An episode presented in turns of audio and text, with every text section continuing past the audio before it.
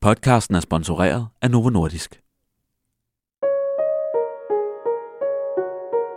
Det værste ved min krop, det kan jeg udpensle for dig i et scenarie, så det vil noget. Ej, men jeg kan næsten ikke få mig selv til at sige det, fordi hvis jeg skulle sige det til nogle andre mennesker, Hvis folk de ikke havde sagt til mig, at jeg så forkert ud, men så havde jeg ikke haft det sådan her.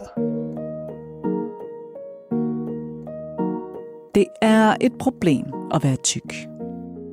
For sundhedsvæsenet, for samfundsøkonomien og for dig selv. Det synes langt de fleste danskere. I dag kategoriseres lidt over halvdelen af danskerne som overvægtige. Og udover at de føler vægten af deres egne kilo, ja, så føler rigtig mange af dem altså også vægten af vores tids kropsidealer, der ikke altid kan siges at være så inkluderende. Til gengæld er de over det hele. Det vil sige, at mange af de her mennesker føler sig forkerte.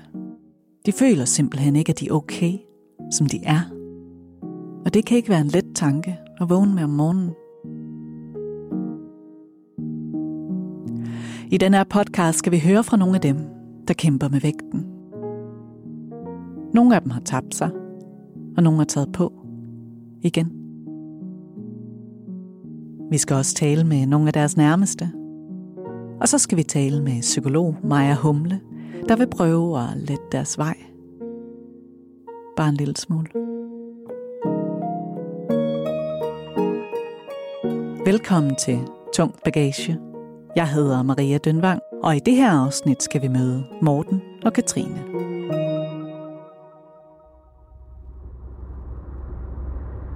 Morten og Katrine bor på en gård uden for Slagelse, og de elsker bøf banæs. De voksede op med traditionel dansk mad. Koteletter i fad, sovs og kartofler, hele muligheden.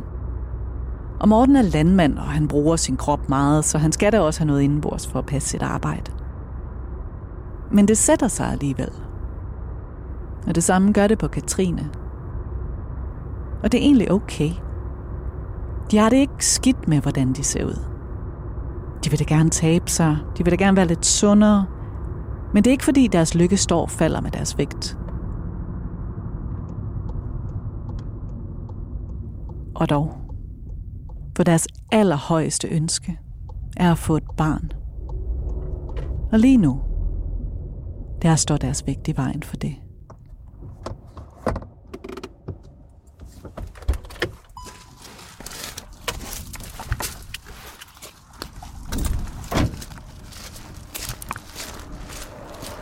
Hej. Hej. Kom ind for. Jo, tak.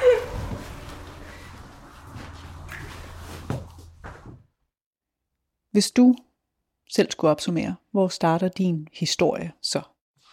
Den starter nok, øh, da jeg går ind i 20'erne, eller efter teenageårene. Før i tiden dyrkede jeg meget sport. Øh, gymnastik, badminton. Jeg har reddet i rigtig mange år. Øh, dyrket hestesport. Øh, og det stoppede jeg jo så med i og med. Jeg skulle i gang med uddannelsen, og så var der nogle piger, der blev lidt mere interessante, og så gik tiden lige pludselig, og, og derved kunne jeg mærke, at der kom lidt mere mave på, og lidt mere folder i nakken. så, Så Morten er taget på, og, og det har du også, Katrine. Men du har til gengæld aldrig været ranglet. Du har altid været tungere end de andre. En, en robust pige, som du siger. Kan du huske, hvornår du første gang tænker over, at du er lidt større end de andre? Altså, jeg tænker faktisk, at det var meget sådan, da vi begyndte at gå i byen i 9. klasse. Hvor i, hvor i landet er vi her? Jeg er født og opvokset på Falster, så øh, det er primært i Nykøbing Falster eller på Marieløst om sommeren. Det er sådan meget delt op. Vil du prøve at tage mig, tage mig med ud i byen her? Jamen, øh, vi gjorde os primært altid klar hos en af pigerne, som boede i Nykøbing. Øh, og det gjorde vi jo alle sammen. Og de fleste af mine andre veninder var jo sådan nogenlunde samme størrelse, og kunne bytte en kjole og bytte en trøje, og, og bytte på sko og låne hinanden. Og der kunne jeg godt se, der passede jeg overhovedet ikke ind i, fordi de kunne ikke passe min størrelse 42, og de ville heller ikke kunne passe min kjole, som ja, på daværende tidspunkt måske har været en large eller sådan noget. Og i forhold til mig har de bare altid været nogle små nips. Øh, og der kan jeg godt se, at der er det nok der, det sådan begynder at gå op for mig, okay, jeg er, jeg er faktisk noget større end de andre. Øhm, og når vi er i byen, kan jeg også godt se, at de får en helt anden form for interesse øh, fra det andet køn, end jeg gør. Øhm, ikke at jeg ikke snakkede med andre, for det gjorde jeg, men jeg var nærmere bare venner med dem alle sammen. Øh, så der er det nok der, det går op for mig, at, at der er lidt forskel på os. Og det har du ikke tænkt over før? Nej, altså, fordi vi har altid bare været gode venner alle sammen, og der, der er aldrig nogen, der har drillet mig, mens jeg har gået i skole, eller, altså, der er aldrig nogen, der har sagt noget til mig. Jeg er bare sådan, nå ja, det går nok. Jeg har spillet fodbold i mange år, og der har heller aldrig været nogen. De fleste vil gerne være beholdt med mig, fordi så vidste de, at, at så skulle vi nok komme fremad. Altså, i omklædningsrummet har det aldrig været et problem for mig heller. Altså, der er tit og ofte nogen, jeg husker det lige så tydeligt, de stod der med deres håndklæde rundt om dem, og var i gang med både at tage deres sportsbehov af og deres trusser, hvor jeg bare stod og kiggede og tænkte, mm, altså, hvorfor tager du det ikke bare af? Vi ser jo alle sammen sådan nogenlunde ens ud. Jeg, jeg er lidt større, du er lidt mindre. Du har måske en skønhedsplet, og jeg har ikke. Øhm, men, men jeg har altid bare taget tøjet af og gået i bad. Altså, det har ikke betydet så meget for mig, og det, sådan har jeg det stadig lidt. Altså, Hvordan kan det være, at du havde det sådan?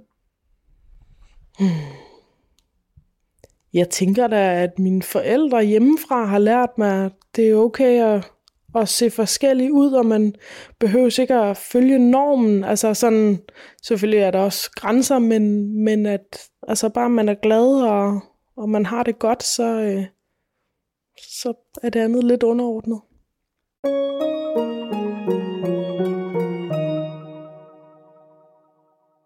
Når jeg kigger på mig selv i spejlet i dag, så ser jeg to store fødder, der er plantet solidt på jorden. Og en stor mave, der kan skubbe til de fleste ting, jeg kommer ned af. Hvis jeg kigger ned på gulvet, så ser jeg en dobbelthave. Hvis jeg kigger lidt op mod loftet, så er den væk. Øh, sådan en er der også. Eller to måske nogle gange. Og øh, jeg ser det som en helhed. Og øh, jeg ser noget, øh, jeg ikke er 100% tilfreds med, men 95% tilfreds med. Og det er mere end nok til mig. Så jeg, jeg ser øh, ikke mig selv veje 70 eller 80 kilo. Øh, det, det vil se mærkeligt ud til mig. Der lader os til at være sådan en vis øh, tilfredshed, og nogle gange en vis stolthed ved at være sådan en, en stor mand. Det er der. Øh, jeg er glad for at være den store en gang imellem, fordi man har lidt mere, man føler i hvert fald nogle gange, man har lidt mere at skulle have sagt, og man står med nogle jævnaldrende, der vejer 50 kilo mindre, så øh, har man nogle gange lov til at slå i brød og skabe lidt respekt. Ej, det er også groft sagt, men det giver et eller andet, øh, synes jeg, at være lidt større, især inden for det erhverv, som jeg er inden for, hvor det er noget med at kunne bruge sine arme og ben og have en, en muskelkraft, der kan bruges. Øh, det man ikke har i hovedet, det må man have i armene, og det har jeg jo så. Nu er det her jo radio, så det vil sige, eller det er podcast. Så der er ikke nogen, der kan se, hvordan du ser ud. Vil du ikke lige prøve at fortælle, hvordan, hvordan ser du ud? Jamen, øh, jeg er 178 cm høj, så jeg er en forholdsvis høj pige. Og så er jeg solidt bygget. Altså, jeg, jeg, jeg er det, man vil kalde buttet, kraftig, måske nogen vil sige. Øhm, jeg har nogle store lår og lidt større arme og lidt mave, og, men ellers ser jeg meget normalt ud. Jeg er sådan ved at få min egen hårfarve tilbage, efter at have været mørkhåret i mange, mange år. Og hvordan har du det med den krop, du lige har beskrevet? Selvfølgelig kan man da altid drømme og håbe om, at den ser anderledes ud, øh, og jeg vil da godt veje ja, i hvert fald 20 kilo mindre, men, men jeg har det egentlig okay. Altså, selvfølgelig ville jeg da ønske, at mine bukser var mindre, men, men så længe jeg stadig kan få bukser i min størrelse, så tænker jeg, at det, det går. Og hvor, Katrine, hvor starter din historie hen? For vilkårene er jo lidt anderledes for dig. Ja, altså man kan sige, det er jo helt sikkert mine hormoner, der på et eller andet tidspunkt ligesom begynder at rasere. For altså, jeg har altid været, hvad skal man sige, lidt større end gennemsnit som lille, men ikke noget sådan, altså voldsomt meget. Ikke noget hverken sundhedsplejerske eller læge sådan har, hvad skal man sige, sagt noget til. Øhm, så på et eller andet tidspunkt er det jo nogle hormoner, der ligesom har sagt, okay, nu, nu sker der et eller andet, og hvad skal jeg sige, mine kvindelige hormoner, som der overhovedet ikke er styr på, altså de er i ubalance. Øh, og det er de jo, fordi jeg har PCO. Og PCO, det står for polycystisk ovariesyndrom. Hvad er det for noget? Jamen, PCO eller PCOS er jo egentlig mange ting.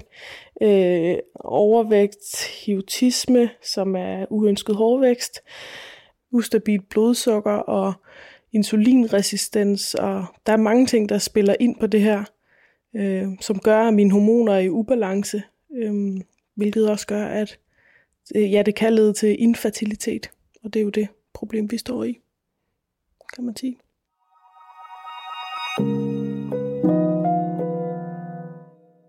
Hvornår har din vægt så været et problem for dig? Øhm, det kan være svært nogle gange, øh, fordi man taber pust lidt hurtigt ved, at man er noget tungere end de andre i klassen, skulle jeg til at sige. Øh, jeg har øh, en oplevelse for, det er nok tre eller fire år siden, hvor vi var til en polterappen, og til den her polterappen, der skulle vi så, alle os drenge, øh, vi skulle spille fodbold. Og samtidig have sådan nogle store luft øh, hvad kalder man sådan en boble, en luftboble på, så man kunne støde hårdt ind i hinanden. Og jeg havde sgu noget svært ved at komme ind i den her luftboble øh, af plastik her. Øh, da jeg så endelig kom ind i den, det var som at se en, en omvendt fødsel, det var frygteligt. Øh, da jeg endelig kommer ind i den her, der kan jeg simpelthen ikke øh, få vejret derinde nærmest, og jeg når an og løb 3-4 meter øh, rundt mellem de andre, hvor jeg så vælter om nærmest, og de må trække mig ud af den her. øh, men, men heldigvis kan man sige, at jeg var da ikke den eneste. Så vi var der nogle stykker, der sad fast i de her luftbobler her. Men, men, men bagefter, så tænker man lidt, okay, så er der måske et eller andet med, at man er lidt for stor, øh, når de andre siv, de bare hoppede ind i de her og spillede fodbold og kunne løbe rundt, og vi andre, vi kunne dårligt få vejr eller luft. Øhm, det er noget, der, der sætter nogle tanker i gang. Helt sikkert.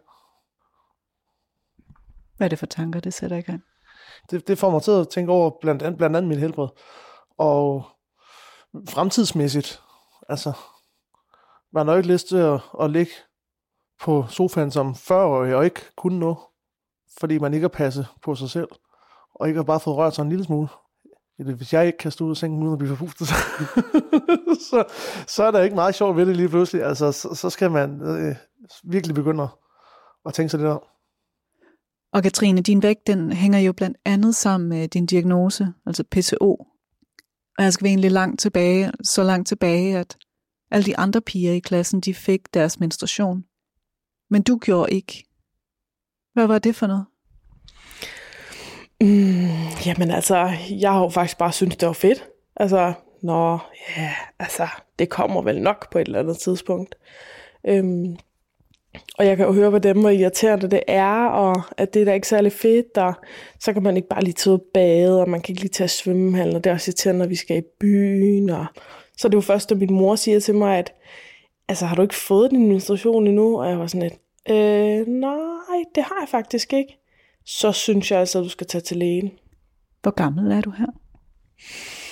Mm, jamen, jeg er nok... Jeg er nok 19 eller sådan noget, tror jeg. Altså, jeg er i hvert fald sådan 18-19 år. Og jeg tog måske egentlig lidt let på det. Altså sådan, nå ja, det skal nok gå. Altså, hun har vel en eller anden forklaring på det. Og mens man så sidder der, så tænker man alligevel, okay, er der noget galt med mig? Altså, og man når at tænke mange ting. Har jeg kraft, eller øh, fejler jeg et eller andet helt andet, eller har jeg slet ikke livmor, eller man tænker sådan rigtig mange ting igennem. Øh, og så bliver jeg selvfølgelig kaldt ind til min læge Bente, og hun er som altid, hej Katrine, og går det godt, og hvad med din mor? Og jeg siger, ja, ja, det går rigtig godt. hun er sådan en, der husker hele familien, ikke? Øhm, Og jeg forklarer hende ligesom, at øh, jeg har ikke menstruation, og min mor synes, jeg skulle gå til lægen, og hun kigger lidt på mig og siger, ja, det kan jeg da godt forstå, og ja, nå, ja, når, så, når du er så gammel, så burde du da også have det, og Nå, vi prøver at tage nogle blodprøver af dig, og så undersøger vi dig lidt. Men jeg tror måske, at du kan have PCO, siger hun så. Og jeg siger, okay, og hvad er det? Og hun siger til mig, at øh, jeg kan få en henvisning til en gynekolog, og hun vil kunne forklare mig mere. Hvad fortæller hun dig om PCO her? Øh, jeg mindes bare, at hun fortæller mig, at det er en, en, altså en hormonel øh, forandring, eller hvad man skal, altså en, en, en hormonel sygdom, øh, som kan ordnes, og i så fald, så vil jeg kunne få hjælp til at få børn, øh, for det vil helt sikkert gøre, at jeg vil få svært ved at få børn. Og, og man bliver sådan lidt, man sidder der, ja, 18-19 år, eller hvor gammel jeg var, og børn, og uh, det tror jeg da ikke lige, jeg skal have lige nu, og altså sådan, og, og så fik jeg en henvisning til en gynekolog i Nykøbing, Falster, og øh, hun scannede mig, og så er der noget med, at de ligesom kan se, om ens æg sidder på ligesom perler, plejer de at sige. Og det siger hun, ja, det gør de, og du lider også af uønsket hårvækst, og du er også overvægtig, og ja, du har PCO. Du får den her folder omkring emnet, og øh, den dag, at øh, du skal have børn, så går du bare til lægen, og indtil da, der får du p-piller. Og så sidder man bare der og tænker, øh, okay, altså, øh, nå, så kan jeg bare tage p-piller, men, men hvad så? Og det eneste p-pillerne jo gør, det er ja, selvfølgelig at styre mine hormoner og give mig en, en, en kunstig menstruation hver måned. Øh, jeg får selvfølgelig ikke en ægløsning. Og det altså, bliver man også påvirket af sådan rent psykisk jo. Øh, for det første, fordi øh, p-pillerne jo bare kører rundt med ens hormoner i hele kroppen, og man bliver lidt sur og tvær, men, men selvfølgelig styrede det også nogle andre ting. Det gjorde også, at jeg havde nemmere ved at tabe mig, og mit uønskede hårvækst var også sådan lidt mindre. Øh, ikke helt væk, men, men jeg kunne i hvert fald bedre styre det. Så din overvægt hænger også sammen med PCO'en? Er det det, jeg hører gynekologen sige her?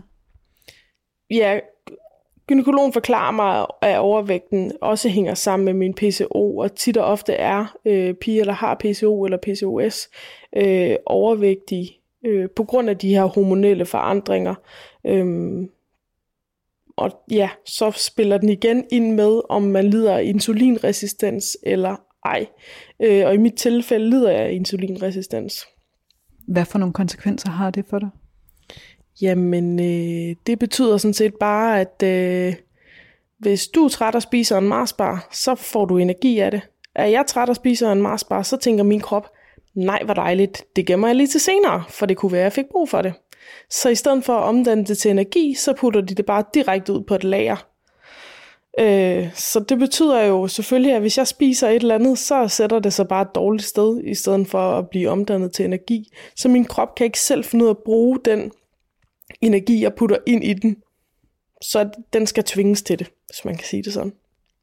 Men det vil sige, når du er ude på en lang køretur og lige har 20 minutter hjem og lige stopper ind for at få en hurtig sodavand, fordi så kan du lige klare den hjem, så får du ikke den energi, du har brug for til at køre de sidste 20 minutter i. Nej, altså man kan sige, hvis, hvis jeg vælger at købe sådan en quick fix, hvis man kan sige det på den måde, øh, så jo kan jeg godt få den, den psykiske følelse af, åh, oh, det hjælper os lige lidt, men min krop får ikke noget ud af det. Altså, min krop siger bare, nå, jamen det var dejligt, øh, jeg lægger det lige ud på lageret herude, og så kan vi lige bruge det en anden gang.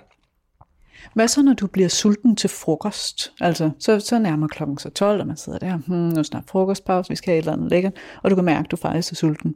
Så er du også, din krop har brug for energi. Hvad gør din krop så, når du giver den den her frokost, det her altså faste måltid? Lægger den det så også bare ud på lageret? Det kommer jo selvfølgelig an på, hvad jeg spiser. Øh, men hvis jeg nu spiser et, et sundt og varieret måltid, som opfylder nogle af de her øh, restriktioner, der kan være øh, til PCO, piger og med mål, altså til måltiderne, øh, så bruger min krop det jo og omdanner det til den energi, det skal. Øhm, men, men hvis jeg vælger at købe et eller andet, øh, som ikke stabiliserer mit blodsukker, så, øh, så putter den bare lidt ud på lageret til en anden god gang. Så det vil sige, at du får på en eller anden måde en dobbelt straf? Ja, det kan man godt sige. det er lidt unfair. Men så en dag, så er I to midt i 20'erne, og så møder I hinanden. Hvordan foregår det? Katrine og jeg, vi mødes øh, på de sociale medier, som vi kalder det. Det er det her, der hedder Tinder. Ja, jeg arbejdede på diskotek i Nykøbing i et par år, øh, og kender nærmest alle på Lolland Falster. Og tænker sådan, åh, kunne der seriøst ikke godt snart komme noget andet? Men så matcher jeg, eller ser en fyr på Tinder og tænker, okay, ham har jeg aldrig set før. Han ser sød ud. I forbindelse med, at jeg er ude og arbejde, er jeg på Falster, hvor Katrine kommer fra. Og så popper hun op på det her Tinder. Og jeg kan lige så tydeligt huske, at der stod, at han brugte størrelse 47 gummistøvler, og jeg tænkte bare, at det var med noget mærkeligt noget at skrive. og så tænker jeg, nå ja, jeg synes selv, at Jan Peter har ret meget humor, og det virkede han også til at have. Og så likede han mig tilbage, så får man jo ligesom et match. Og jeg ser det så først, da jeg er kommet hjem til Holbæk, hvor jeg boede på det tidspunkt. Der er et godt stykke vej. Bare shit, det er langt væk. Altså, Og så skriver jeg til hende. Ej, Hvad skete der, Katrine? så tog vi på en date, og så øh, kørte jeg først hjem dagen efter. Ja, du blev til morgenmad. Gjorde du. Det er korrekt. Det er det, der skete. Det er også det, jeg husker. Og så kørte jeg til Holbæk hver weekend. Så blev du hængende Ja, derefter. Jeg synes jo åbenbart, du var sød. Fuld, med derfra. Og her, hvor du møder Morten, her er du faktisk i rigtig god form. Lang historie kort, så er du bumstærk, og du har trænet, og du har spist sundt i flere år. Og også på grund af p-pillerne, så har det været nemmere for dig at tabe dig, på trods af PCO'en. Så hvilken størrelse kommer du i her? Jeg tror egentlig, altså, da jeg møder Morten, er, vejer jeg sådan lige under 100 kilo eller sådan noget. Måske omkring 90 eller sådan noget. Men jeg er jo stadig, ja, næsten 180 cm høj, og, og jeg er ret robust bygget. Men jeg er egentlig rimelig tilfreds med, hvordan jeg ser ud. Altså, men alle ved jo, at, at når man først får en kæreste, så kommer de der famøse kærestekilo. Øh, og det gør sikkert også en hel del af, at jeg kører øh, to timer hver vej, øh, næsten hver dag, øh, hvilket også gør, at jeg heller ikke lige har tid til at træne. Selvfølgelig kunne jeg træne de dage, hvor jeg er på Falster, men der vil man også gerne lige se sin familie, og man vil også gerne se sine veninder, og der er altid lige noget, der lige er lidt vigtigere. Så, så stille og roligt tager jeg jo lidt af de her kilo på igen. Øhm, men har det egentlig fint nok med det? Altså, det har aldrig været et problem for mig. Hvad med Morten? Hvad, hvad, er, han for en, hvad er han for en krop? Hvordan rundt med? Jamen, på daværende tidspunkt er Morten en slim fedt, skulle jeg til at sige. Ej, det er, det er han ikke.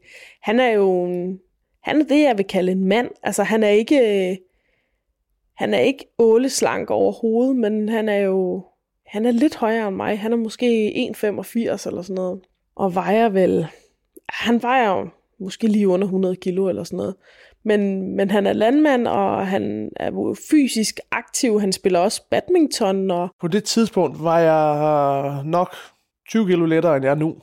På nuværende tidspunkt. En, en flot fyr, synes jeg. Altså sådan... Og øh, det passede egentlig meget godt til min højde og vægt passede sådan rimelig sted. Altså, hvis du vil have en BMI på det, så er det stadigvæk mega overvægtigt. Men nu synes jeg også, at det der BMI, det er bare tal, som man ikke rigtig kan bruge til så meget måske. Selvfølgelig er han jo lidt større end gennemsnittet, men det passer også mig meget godt, fordi så kommer jeg til at se mindre ud, så det gør mig ikke noget overhovedet. Jamen, det, der står en, der er kraftigt bygget, med nogle stærke knogler, der ikke lige går i stykker. Og så lever I jeres liv, og på et eller andet tidspunkt, så beslutter I jer for, at I skal have børn. Jamen, øh, jeg fortæller jo ret hurtigt Morten i vores forløb, at øh, der vi ligesom finde ud af, at det er os, der skal være sammen, at, at jeg har den her sygdom eller syndrom, og at, øh, at jeg formentlig kommer til at få svært ved at få børn. Og så kommer vi jo ligesom til det punkt, hvor vi siger, okay, nu, nu, nu skal, skal vi have det der barn, eller i hvert fald prøve på at få det her barn. Øh, og der smider jeg jo bare p-pillerne, og der skulle jeg nok bare have været gået til lægen, altså ligesom for at sige, okay, nu skal vi i gang med det her, hvad synes du, I vi skal gøre? Øhm, for dengang vejede jeg noget mindre, og det kunne godt være, at det havde været lidt nemmere. Øhm, Hvor gammel er du her? åh, 2018, så må jeg have været 28. der blev vi bare ligesom enige om, vi kan lige så godt gå i gang med at prøve. Det kan være, der sker noget, det kan også være, der ikke sker noget. Og hvad sker der så? Jamen, øh, der sker absolut ingenting. Man kan sige, lige så snart jeg stopper med at hvad hedder det, tage mine p-piller, så stopper jeg også med at få min menstruation. Og øh, i nogle tilfælde ved jeg, at nogle piger med PCO stadig kan få ægløsning, selvom de ikke har menstruation. Og det lyder vildt mærkeligt, og det tænker jeg stadig over i dag, om det virkelig kan være rigtigt, men det er der nogen, der siger. Øh, så derfor tænker man jo, nå, det kan være, den er der nu. Så selvfølgelig tester man jo en gang imellem og ser, men, men jeg er overhovedet ikke gravid der. Når man beslutter, at man gerne vil have børn, og det så ikke bare lige lykkes, øh, det sender mange tanker i gang. Øh, man, man føler, at det er uretfærdigt, og det er hårdt indeni. Mest også at se sin partner være ked af det. Det, det rammer hårdt, øh, synes jeg. Øh, og så tænker man på, hvad, kommer man over det her? Kommer vi igennem det her? Øh, er det fuldstændig umuligt? Øh, og, men vi har, kan man er så heldig stillet i Danmark, så vi kan få hjælp til en frygtelig masse ting, og så vi er jo gået i det her fertilitetsbehandling øh, og får hjælp af nogle rigtig dygtige læger. På et tidspunkt så beslutter I jer så for at opsøge hjælp til det her. Ja. tror først, at det er i sommeren 20, at jeg ligesom tænker, okay, nu det er også for åndssvagt, der ikke er sket noget endnu. Altså, det kan godt være, at vi skal spørge om hjælp. Øh, så jeg henvender mig til min læge, og jeg fortæller hende ligesom, jeg er PCO, og nu har vi prøvet i to år, og der er ikke sket en fløjtende fis. Øh, om hun vil lave en henvisning til mig til en gynekolog. Og det laver hun med det samme, og øh, eftersom jeg har haft researchet lidt på det tidligere, øh, og har hørt rigtig godt om øh, Svend inde på Copenhagen Fertility Center, vælger jeg jo bare at tage derind. Øhm, og han beder mig om at få taget en masse blodprøver også, ligesom for at finde ud af, hvad er du for en, og hvad er det egentlig, du kan og vil og skal. Øhm, men jeg vejer selvfølgelig for meget, og derfor vil han gerne have, at jeg taber mig. For det første, fordi det øh, forbedrer mine chancer for at opnå den her graviditet.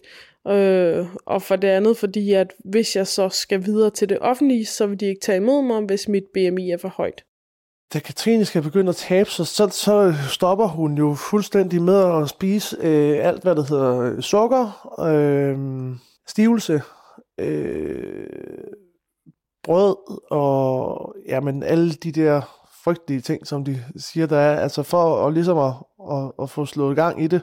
Øh, og hun er faktisk rigtig god til at få holdt det. Men hun er jo ikke alene om det her. Du holder op, op med at spise, som du siger. Katrine lægger jo sin kost om, og, og, og den går jeg jo med på for, for at støtte hende også, og det havde jeg også godt af. At stoppe lidt med, med i hvert fald stivelse og, og sukker og de her ting, ikke også? Øh, spise nogle flere grøntsager, og, og ligesom vi har aldrig haft en kostvejleder og sådan noget der, men Katrine har været god til selv at finde de her ting der, hvad, hvad skal vi lige, og lave en madplan og sådan nogle ting der, og det har altså givet noget på det, synes jeg øh, uden det krævede det store. Øh, og, og det smittede så også af på mig, ikke også? Og så, så øh, tænkte mig lidt om at lade være med at spise for mange fransk hotdogs og sådan noget.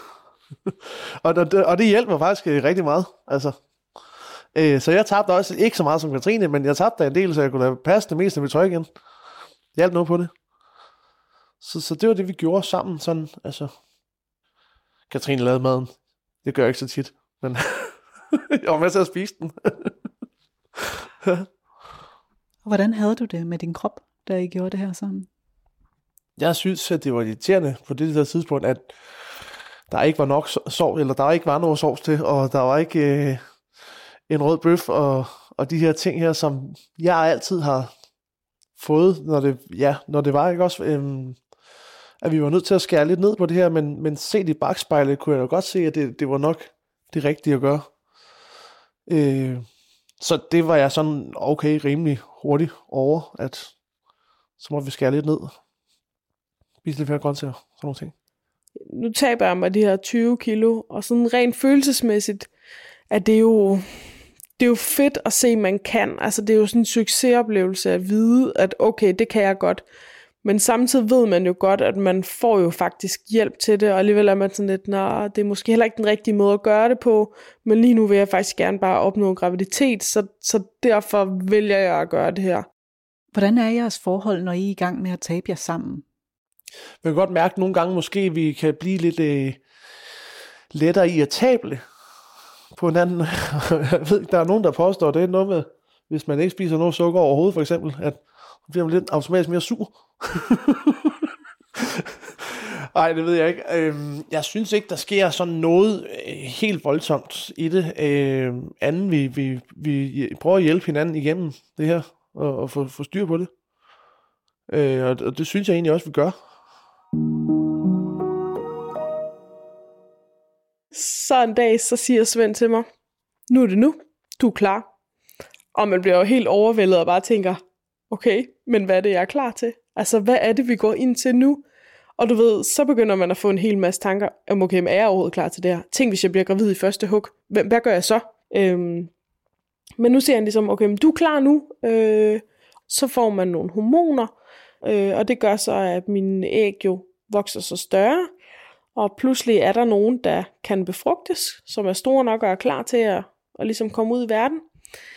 Og så får man sådan en øh, ægløsningssprøjte, og så øh, skulle vi ellers prøve selv, altså natural, hvis man ved det, det øh, som man vil sige det, øh, hjemme i soveværelset. Og det prøver vi så to gange, hvor, vi, hvor jeg ved, at jeg er blevet fuldt fra dem af, hvad de ved, okay, nu har du ægløsning, eller nu får du i hvert fald sprøjten, så du får ægløsning, så du er klar. Øh, så de her to måneder prøver vi ligesom. Øhm, og der sker ikke noget. Og så bliver vi sådan rimelig hurtigt enige om, okay, men så må vi prøve øh, at blive insemineret i stedet for. Så det vil sige, de scanner mig stadig, følger min æg, giver mig hormoner til de er store nok. Derefter får jeg en æglægningssprøjte, og øh, halvandet døgn efter cirka, så skal jeg så komme ind, have en prøve med for Morten, og så inseminerer de mig. Og det skal vi så prøve tre gange. Da vi har prøvet de tre gange, og der ikke er sket mere, har jeg en samtale med dem om, hvad skal der så ske nu? Vi har virkelig holdt hinanden op, synes jeg, og, og holder hinanden i hånden hele vejen frem til, og det er man nødt til at tro på det. Først og fremmest, altså, fordi hvis du først du giver op psykisk ind i hovedet, så, øh, så kan det heller ikke lade sig gøre. Det tror jeg ikke på. Som vi sidder her i dag, har vi lige haft det, altså afsluttet det tredje inseminationsforsøg, som ikke blev til noget. Så havde jeg en samtale med Copenhagen Fertility Center, og de ville godt tilbyde mig øh, og henvise mig videre, men det bliver så tilbage til det offentlige, for at vi kan få IVF. Og en IVF, det er, hvor de giver dig virkelig mange hormoner, så du danner rigtig mange æg. Så tager de æggene ud og blander det med sæd, og så skal de selv, altså hvad skal man sige, befrugte sig selv. Så udvælger de et æg, det som nu har klaret sig bedst, og så er det det, man får lagt op. Og hvordan med vægten? Hvad er der sket med din vægt i mellemtiden? Man er stadig kærester og tager på date og hygger sig og tager på sommerferie. Og så er der lige en fødselsdag, og man kan også godt lide en god drink. Og så, så jeg har taget nærmest det hele på igen. Øh, og det kommer også lidt som et slag i hovedet, da jeg så har den her samtale med, med Fertility Center. Den anden dag, at, øh, at de siger til mig, ja, du skal nok forberede dig på, du skal tabe dig. Og jeg tænker, oh, jamen så står vi jo samme sted.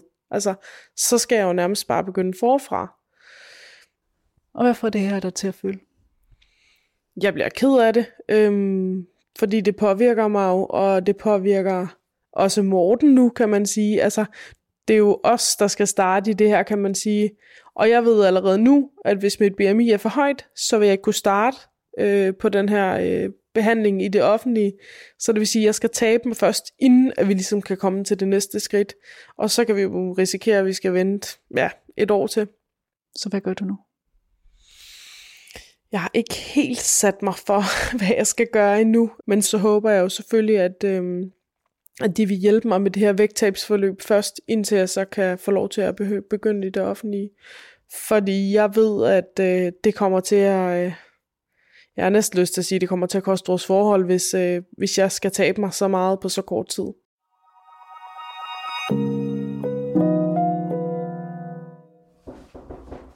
Kom ind. Hej Anders. Nej, hvad så med? Velkommen til. Vi, lige, øh, vi står lige og ved at lave noget podcast omkring nogle, øh, man er lidt, lidt tung i det. Jeg passer måske ikke ind her, i og med, at jeg ikke er så tung, som du er. Nej, men det, du kan da bare komme tættere på, så, så bliver du automatisk lidt større. Kom bare, kom bare ind på dem, ven. Ja, men det, lyder, noget kaffe, det lyder så sætter vi hyggeligt. og snakker lidt om det. Det lyder da hyggeligt. Ja, det synes jeg er en god idé. Ja. Det er lige dig. Morten han har jo øh, stillet op til at være med i den her podcast-serie, som handler om vægt. Ja. Og øh, så sendte han mig et billede af dig, blandt andet. Og øh, to af jeres andre kammerater. Ja, jeg, jeg ved, hvad det er for et billede. Du ved godt, hvad det er for et billede. ja, det må det være. Morten, hvad var det, øh, du lagde det billede op på Facebook med hvilken tekst? Fire fyre, der ikke vælter i stille vejr. Nå, det er rigtigt. Ja. Det gør de, det gør de heller ikke. Det var ikke, det var ikke løgn. Og når I fire er sammen, så går I ikke så meget op i, hvem der vejer hvad, vel? Altså, jeg tænker ikke, vi er så Instagram-agtige på, på den konto. Kommer måske også i miljø, kan man sige, i kraft af, at vi alle sammen er øh, i landmands, øh, kommer er oprindeligt derfra, kan man sige, og vi går op i øh, at være til ting sammen, hvor vi står og drikker fadøl og hygger os, og vi, øh, altså, vi, vi, vi mødes ikke for at gå ture og, og cykle eller ro. Det gør vi bare ikke. Altså, vi mødes jo for at drikke øl og have det godt, og øh, køre traktortræk og spise mad. God mad. Vi, vi tager ikke ud og, og løber en tur rundt om søen. Det kunne aldrig falde os ind herude. Altså blandt andet sådan nogle ting, øh, når vi socialiserer med hinanden, at så kommer de forbi gutterne efter arbejde og lige holder ind i 10 minutter eller en halv time, og så står vi og snakker. Det sætter sine spor. Og det, det, det er et spørgsmål om at have gjort det i, i for mange år. Øh, drukket for mange sodavand, drukket for mange øl og drukket for meget kaffe og, og stået stille. Ja, hvad skal jeg kalde det? Stille, eller vi står stille. vi står meget stille. Og når I så står stille sammen, så snakker I faktisk nogle gange om jeres vægt. Hvad, hvad, hvad snakker I om der? Jeg tænker ikke, det er noget, vi snakker så meget om. Nej, det er ikke det største samtale. Nej. I perioder. Jeg cyklede engang, tabte nogle kilo. Så snakker vi lidt om det. Så holdt jeg op med at cykle. Så er ikke det. Så spiser jeg lidt igen.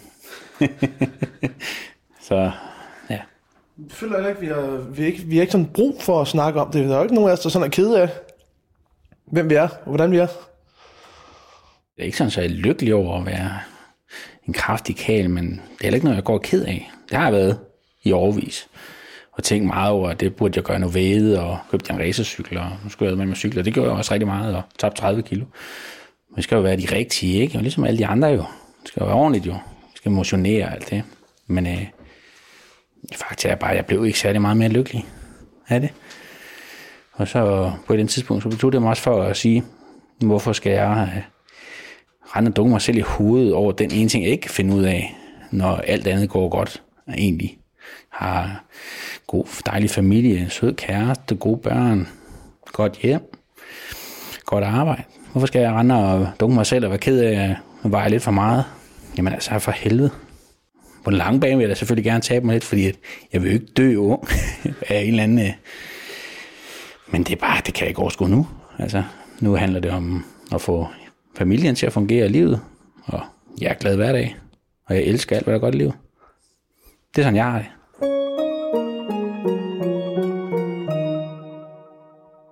Morten og Katrine, i drømmer om at få et barn. Og for at I kan komme videre i jeres fertilitetsbehandling, så skal i hvert fald Katrine tabe sig.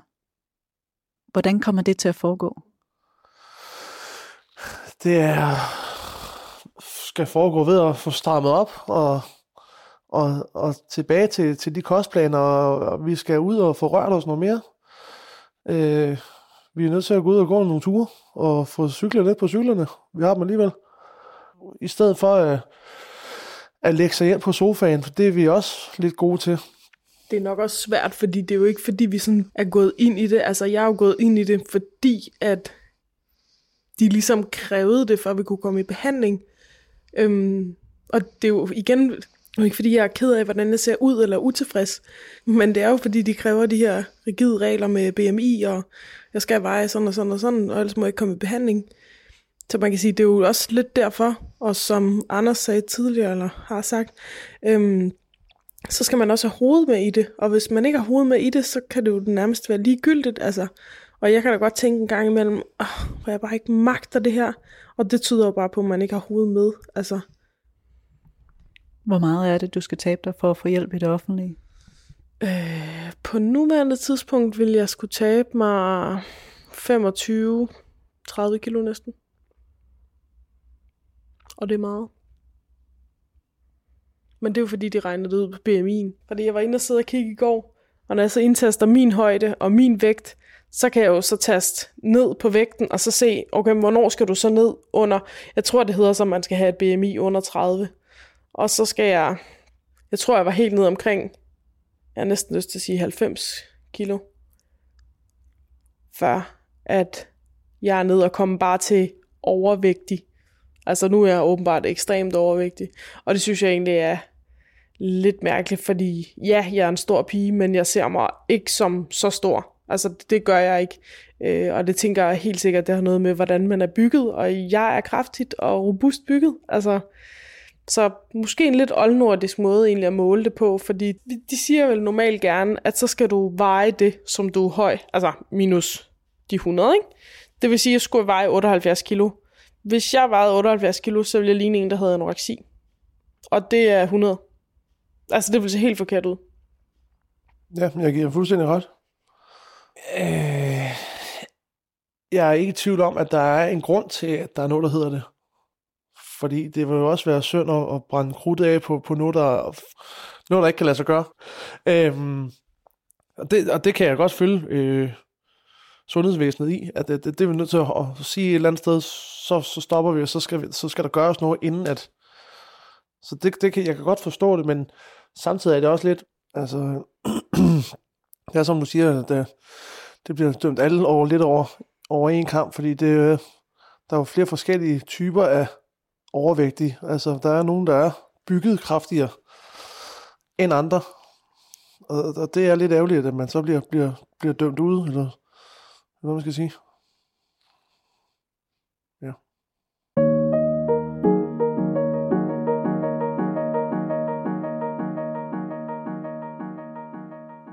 Ja, så vil jeg gerne starte med at sige hej, Hej. Katrine og Morten. God dag. Tusind tak, fordi I har lyst til at komme herind og snakke med Maja, Maja Humle, som er psykolog. Hej. Hej. Øhm, ja, og jeg, vi starter simpelthen bare. Øh, jeg har jo lyttet til, til det, som I har snakket med Maria om. Øh, og der er nogle ting, som jeg tænker, vi dykker lidt mere ned i sammen. Og jeg har jo fortalt det her med, at I går i noget facilitetsbehandling. Og der kunne jeg egentlig godt tænke mig at starte. Øh, sådan lidt i forhold til det her med at, at få et barn. Øh, hvorfor er det egentlig vigtigt for jer? Jamen, altså, det, det tror jeg egentlig bare sådan... Altså, jeg har egentlig lyst til lidt at sige det der, det skal man bare have-agtigt, men det er ikke fordi, jeg føler, at der er nogen, der tvinger os til det overhovedet. Altså, da jeg var yngre, var jeg virkelig af den overbevisning, at jeg aldrig nogensinde ville have børn. Men altså, så kom Morten jo. Og selvfølgelig vil jeg da gerne have børn. Altså, der er, ikke, der er der ikke noget spørgsmål til, men ja, det kunne da bare være dejligt. Altså, tænk, hvis man kunne få sådan en blanding af os to. Stakkels barn, men altså... Og hvorfor synes du, det er vigtigt, Morten?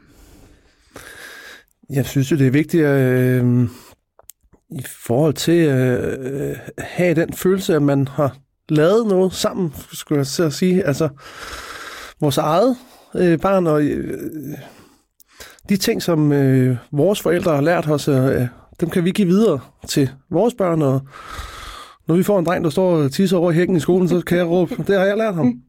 så, altså, se et, noget af sit eget vokse op og, og følge med. Øhm, og måske også lidt af frygt for, at man ikke har lyst til at ende sin dag øh, alene. På et eller andet tidspunkt, hvis ikke man har fået nogle børn, selvfølgelig kan man have masser af venner og noget, men jeg vil også være ked af at sidde, øh, når vi bliver gamle på et eller andet tidspunkt, øh, uden at have nogen børn, børnebørn osv. Så videre, så hvis ikke øh, der kommer nogen. Så det er faktisk vigtigt for jer begge to, det her med på en eller anden måde at kunne reproducere sig selv Ja. og, Mm. og, og lave sådan en, en mini-jer. Ja. Øh, om det så bliver en lille dreng eller en pige, eller, eller lidt af hver. Ja. Øhm, og det er noget, som I begge to sådan, glæder jer til. Ja. Mm. Men, men som jeg kan høre det så som et led i den her fertilitetsbehandling, så skal man også tabe sig, fordi de går efter nogle BMI-kurver i forhold til, hvornår man må komme i gang med den her behandling. Mm. Ja. Og, og hvad er det, der bliver svært der, når I nu har det her store ønske om at, at få børn og reproducere jer selv, og, og ligesom, hvornår er det så, det bliver svært, det her med så også at, at gå ind i den der vægttabsproces? Altså, jeg synes, det er svært, det der med, at man altså, samtidig gerne vil nyde livet og have det sjovt og have det godt. Altså, øh, og ja, selvfølgelig ønsker man så brændende et barn, og, og som folk siger, jamen er det ikke en gulderåd sådan for enden, du ved, du kan få et barn?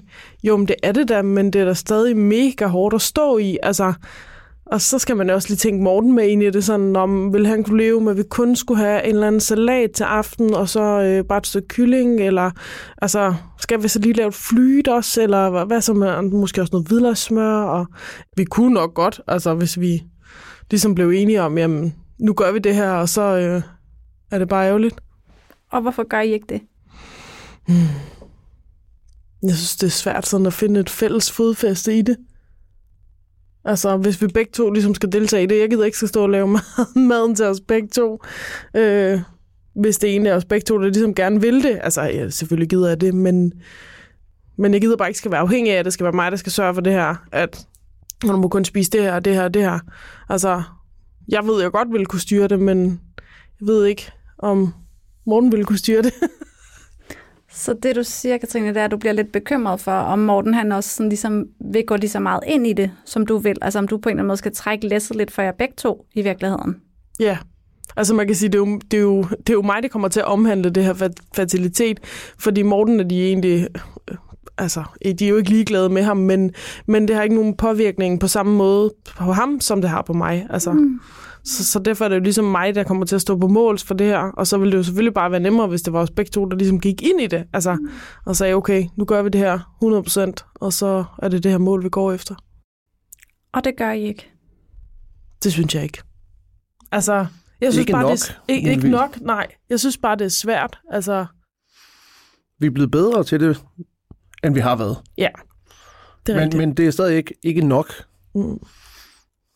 Vi er blevet rimelig til at... Nu, nu skal vi nok lige have lidt flere grøntsager og lidt mindre sovs. og det, det synes jeg egentlig går, det går den rigtige vej. Øh, fordi vi ved jo godt, øh, hvad- altså, hvad udfaldet bliver, hvis ikke at vi får gjort noget ved det, så, så er øh, løbet bare kører lige pludselig. Men Morten og Katrine siger, at hun vil lidt ønske, at I gik lidt mere fælles ind i det. Hvad tænker du så om det? Jeg vil give en ret fuldstændig. Fordi øh, øh, det er mig, der er en klovn til det der nogle gange med at- Jeg har jo også nogle maddage, øh, jeg skal lave mad, og det er nok ikke de helt samme stil, som øh, det Katrine laver. Så, så hvordan ville det være, hvis nu du øh, havde din maddag, og du så ligesom havde valgt at sige, nu gør jeg det her, som Katrine gerne vil have. Nu spiser vi salat til aftensmad, eller et eller andet. Jamen, det sker også. En gang imellem.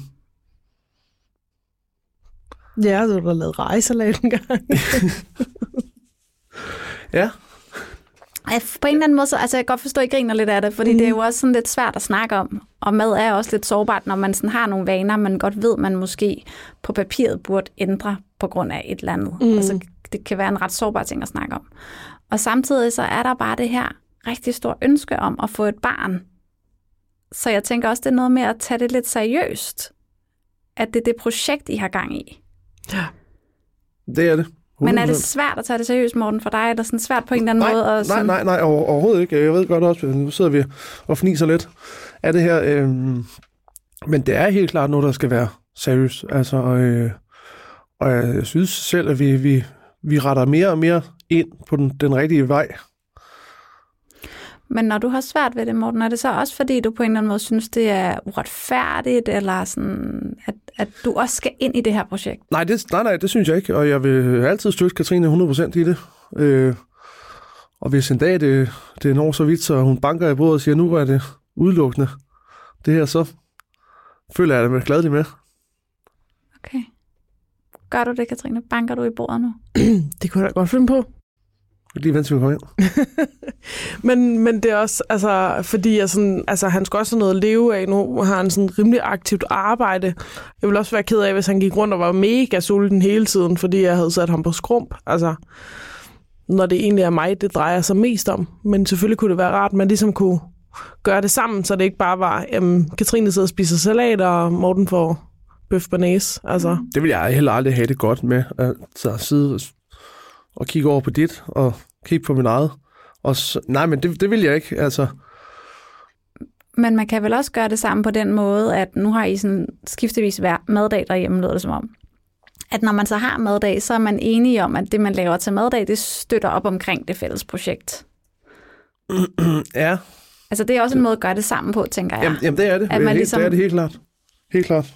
Og det, og det skal jeg nok være lidt bedre til. Det er nok, fordi det først går op for Morten klokken 17, at han har maddag. Så går vi bare lige i fryseren og finder et eller andet. Altså, og det kan jo være alt muligt, men det er ikke så tit, vi får nogle grøntsager med op. Og de ligger i bunden. Men jeg har da også overvejet, om vi skulle altså bestille sådan en måltidskasse i stedet for. Altså noget, hvor der er, der er jo nogle af dem, der er sådan nogle slanke nogen, og altså tab, der er økolo, økologisk og alt muligt. Øhm, om, om det ligesom kunne være en hjælp til os for, for det første for at få noget andet at spise, men også få noget mere grønt med ind i. For og hvorfor har samtidig- I ikke gjort det, for eksempel? Det er jo meget oplagt på en eller anden måde at gå den vej. Jeg tror ikke rigtig lige, jeg har tur at fremlægge det. Men Der er jo ikke nogen, der er sådan rigtig gået til os før nu, end, end du gør. gør. Men når du Nej. siger, at du ikke tør at fremlægge det, er det fordi, du tænker, at, at det vil Morten, øh, det vil han ikke lige støtte op om, det projekt, eller hvad? Mm, jo- jeg tror egentlig nok, at han vil støtte op om det, men det er jo meget sådan, hvis jeg spørger Morten, hvad vi skal have at spise, så siger han, medister. Og jeg hader medister. Altså, jeg laver det aldrig. Jeg kommer ikke til at lave det til ham. Øh, og, og det er ligesom det bud, der er, hvor jeg bare bliver sådan lidt, okay, men det får du i hvert fald ikke i sådan en måltidskasse. Men det kan godt være, at det skulle være vores næste step. Jamen det, det synes jeg er en god idé. Og når du siger medister, er det så fordi, du ikke kan komme i tanke om andet, eller er det fordi, du sådan, lige der, der er du meget styret af din lyst, altså mm, det synes du er lækkert, og så bliver alt det der sekundært med sundhed i virkeligheden, så vil du egentlig bare hellere ligesom tilfredsstille den der lyst. Ah, lige, lige med dister, det er faktisk mere bare for at drille Katrine, fordi jeg ved, hun Okay. hader det. Men jeg er jo, altså, øh, opdraget på den måde, at der skulle kød på bordet, øh, for at få noget ud af det. Altså, fordi salaten, den brændt for hurtigt af, skulle jeg til at sige, i forhold til, at man, man skulle bruge sig selv en hel dag. Eller dagen efter, ikke? Øh, det er ikke så tit, vi spiser med dister til morgenmad, men øh, desværre. Øhm, men, men det, er, det er bare øh, et led i opdragelsen dengang, at vi fik sgu aldrig øh, kun salat. Der var altid en eller anden form for, for kød på bordet. Men jeg tror sagtens, vi kunne overleve. Og have nogle dage, hvor det ikke var det, og, og vi tænkte lidt mere over, hvad det er, vi spiser. Så lad os sige, at I bestiller den her grøntsagsslankekasse, og I skal ligesom prøve det af og leve med det. Hvordan vil det være at være i jeres parforhold, mens I lever af slanke grøntsagskassen derhjemme? Altså, jeg kunne da håbe på, at vi ligesom kunne hjælpes ad, faktisk, så man ligesom kunne få... Og er det realistisk, Katrine, at det er det, der vil ske? Jamen, hvis opskriften ligger der, så tror jeg, han vil gøre det. Det vil jeg også. Så, det, så den ligger der faktisk lige der muligheden. Mm. Vil stemningen være anderledes hjemme hos jer i det her projekt? Vil det påvirke jer sådan, jeres humør? Det tror jeg ikke, u, ud, altså ikke udpræget. Jeg tænker godt, altså sådan måske lidt, altså... Ja, måske lidt i starten, kunne man godt, men, men det, vi er ret hurtigt til at få det til at køre, synes jeg. Så på mange måder, så lyder det jo som om, I godt ved, hvad der skal til.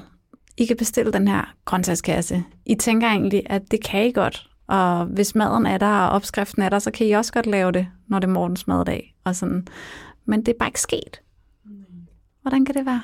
Der er lidt langt en gang imellem fra tanke til handling, øh, hvor der nogle gange kommer et eller andet nemmere løsning ind lige foran. Og, nej, ja, det sker der ikke noget ved. I morgen gør vi det andet. Mm. Og det er vi dårlige til. Øhm, og ikke at få gjort det. Altså tag det første skridt, sådan set handler det jo egentlig om. Og, og komme i gang. Og jeg er ret overbevist om, at lige så snart vi, når vi kommer i gang, så tror jeg godt, vi kan finde ud af det. Men det er lige det første svære skridt at, og så er det jo altid, fordi man, sammen. man tænker sådan lige, om vi skal også noget på lørdag. Altså, om så kan vi lige strække den til derefter. Så derefter, så gør vi det ligesom. Og så, når vi skal faktisk også noget lørdagen efter. Når, og, og man gider heller ikke sidde der sådan og skille sig ud og være sådan, du ved, skal sidde og holde øje med Morten og sige, nu må du ikke tage flere kartofler, eller altså sådan, Hvordan vil det være, når I er til noget socialt, hvis I ligesom sagde, at nej, jeg holder mig til salat i dag, eller du ved, jeg drikker ikke cola, jeg drikker vand, eller hvad nu plejer at gøre. Hvordan Altså- vil det blive respekteret i jeres sådan... Jeg tænker helt sikkert, 100% alle vores venner vil acceptere det, men selvfølgelig vil de nok drille Morten lidt. Altså nok mere end mig.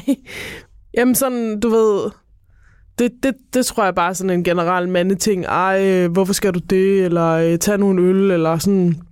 Altså hvis Morten ligesom sagde, jamen det skal jeg ikke. Altså, det, hans venner vil tro, at det var, der var noget helt galt.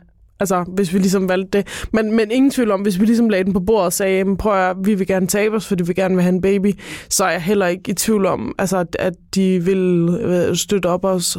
Op. Det ved de stort set alle sammen, Ja. hvordan og hvorledes, så, så der vil aldrig være nogen, der vil pege fingre eller sige noget om det. Det er helt sikkert. Så igen, så sidder jeg lidt og tænker, så hvad er det, der forhindrer jer i det? Fordi det føler I også godt, I kan. Mm. Ja. Det er nok bare det der med at tage springet og ligesom komme i gang. Altså også, jamen, jeg synes måske, det har været sådan lidt uoverskueligt. Altså du ved, der er bare så mange begrænsninger, ikke? Fordi nu arbejder jeg på kommunen, og det er bare sådan virkelig, altså, vi skal lige have lidt brød i dag, og på øh, onsdag har jeg kage med, og altså, så der er altid de her sådan, og, og ingen tvivl om, de vil, de vil også støtte op om mig derop, hvis det var, og er meget søde til sådan at komme med et alternativ. Vil du ikke have noget frugt, eller vil du ikke have noget andet, eller noget, hvis de går ned og henter kage? Så selvfølgelig burde man jo også tage sig selv i nakken og bare sige, ej okay, Katrine, kom nu. Altså, men ja, så er der travlt med det ene, så er der travlt med det andet, og vi har mega travlt med Og det er det, jeg mener, arbejde, det bliver der og- nok ved med at være. Så det mm. der med, at man går og venter på det der perfekte tidspunkt, Ja. Det opstår aldrig. Mm-mm. Altså, der er aldrig den der dag, hvor man vågner op, og du ved, alting er perfekt, motivationen er i top, jeg skal ingenting de næste tre måneder, det er nu, jeg starter. altså, der når vi aldrig til. Nej. Så, så det er også noget med at beslutte sig for, at, at der er faktisk alle de her grunde, det handler om at gå i gang. Og der er et eller andet, der bremser jer. Eller der er i hvert fald et eller andet, der gør, at I ikke har gjort det endnu. Mm. Og hvad er det? Helt sikkert noget ryggrad. Altså, måske fordi du bare tænker, nå ja, det, det går nok, men, men som du siger, det, vi bliver heller ikke yngre. Altså, jeg kan da også godt regne ud nu, jeg når at blive 33, inden vi får et barn. Altså, og det presser mig da vildt meget. Synes det er pisseirriterende. Eller også, ikke, nu ved jeg godt, jeg er lidt djævelens advokat, men eller også, så er det der barn ikke så vigtigt. Så er det mere fordi, at det skal man jo, og det gør alle andre også, men i virkeligheden, så nyder I mere den her livsstil, end motivationen for at få det barn. Jo, selvfølgelig lyder vi vores livsstils... Ja. Vi ved jo begge to godt, at den skal laves om, vores livsstil. Øhm, men vi elsker også at være frie, som vi er, faktisk. Og, og, og gøre, hvad vi vil, ikke? Men øhm, vi savner måske også at have øh, noget mere sammen. For eksempel et barn. Øhm, og det er ikke fordi, jeg ikke, altså jeg betvivler ikke, at I gerne vil have et barn, og jeg ved også godt, det er mega svært, det der med at ændre sine vaner. Men, men, men når I sidder her og snakker om det, så får I det til at lyde som om, at hvis I skulle rådgive nogle andre, så ville I godt vide, hvad I skulle sige. I ville godt vide, hvordan, altså det her med, at I skal være åbne over for andre folk omkring jer, I skal inddrage dem, sådan, så de kan støtte jer, og I skal tage de gode løsninger, så I har de gode råvarer tilgængelige derhjemme, og sådan. Alle de her ting kan I jo godt sige, og så alligevel så, så sker det bare ikke rigtigt. Nej. Øhm, så der er bare et eller andet der, som jeg nok sådan vil mm, tænke lidt over, hvis jeg var jer. Altså, hvorfor det ligesom øh, på en eller anden måde, I ikke helt kommer i gang med det her Mm. projekt, ikke? Ja. Hvad sidder I med sådan, øh, af sådan tanker efter sådan en snak her? Jeg får sådan lidt gå på mod, altså sådan, okay, så nu gør vi det. Altså, helt seriøst. Hvis, hvis vi ikke har bedre argumenter for, hvorfor vi ikke skulle gøre det, så lad os se at komme i gang. Man kan jo sidde og høre sig selv nu, og det er jo nu... Så ren jammerlighed. Jamen, det er jo faktisk lidt åndssvagt, for man sidder sådan, Nå ja, jeg kan faktisk ikke rigtig give dig en rigtig begrundelse på, hvorfor har vi egentlig ikke gjort det her. Altså, Vi har jo altid blevet ved med at bare skubbe det lidt foran. ja. Ny dag, ny undskyldning. Og som du siger, der, der kommer aldrig nogen perfekt dag. Altså, der er ikke en morgen, hvor jeg bare vågner og tænker, nu, nu er det nu. Altså, i dag, shit is going down. Nu sker det. Øhm, så det kan være, at vi bare skal tage tyren med hornene, og så bare gøre det. Øh, Det giver virkelig stof til eftertanke, det må jeg nok sige. Er der nogen af jer, der nogensinde har været psykolog før? Nej. Nej, og det skal vi heller ikke. Nej, det har vi ikke. Nej. Det er ikke endnu. Har det været okay? Ja. Meget. Meget øh, inspirerende et eller andet sted. Og Lidt stivelse til ryggraden måske. Ja. Altså sådan... Jeg kan godt følge dig det der med, at du siger, jamen hvad er det så, der holder dig tilbage? Ja, jamen, det ved jeg og det faktisk er ikke. irriterende spørgsmål, fordi det kan vi ikke give et konkret svar på. Nej. Altså, og det, det, er, det er faktisk frygteligt at sidde og høre sig selv og sige, jeg ved det ikke. Altså, for det er jo et dårligt svar. Jeg er enig. Så er der bare tilbage at sige tusind tak. Tak fordi I ville komme og være med her og snakke med mig. Tak fordi vi måtte komme. Tak fordi du kom. Du har lyttet til Tung Bagage. Medvirkende var Morten og Katrine Møller Nielsen for Slagelse, deres nære ven Anders Scharpe og psykolog Maja Humle. Musikken er komponeret af Tristan Helleskov Wilemann, casting af Tina Bremer, Emil Norsker er redaktør. Jeg hedder Maria Dønvang, og jeg har stået for optagelse, klip og tilrettelæggelse. Podcasten er produceret af Heartbeats for Novo Nordisk.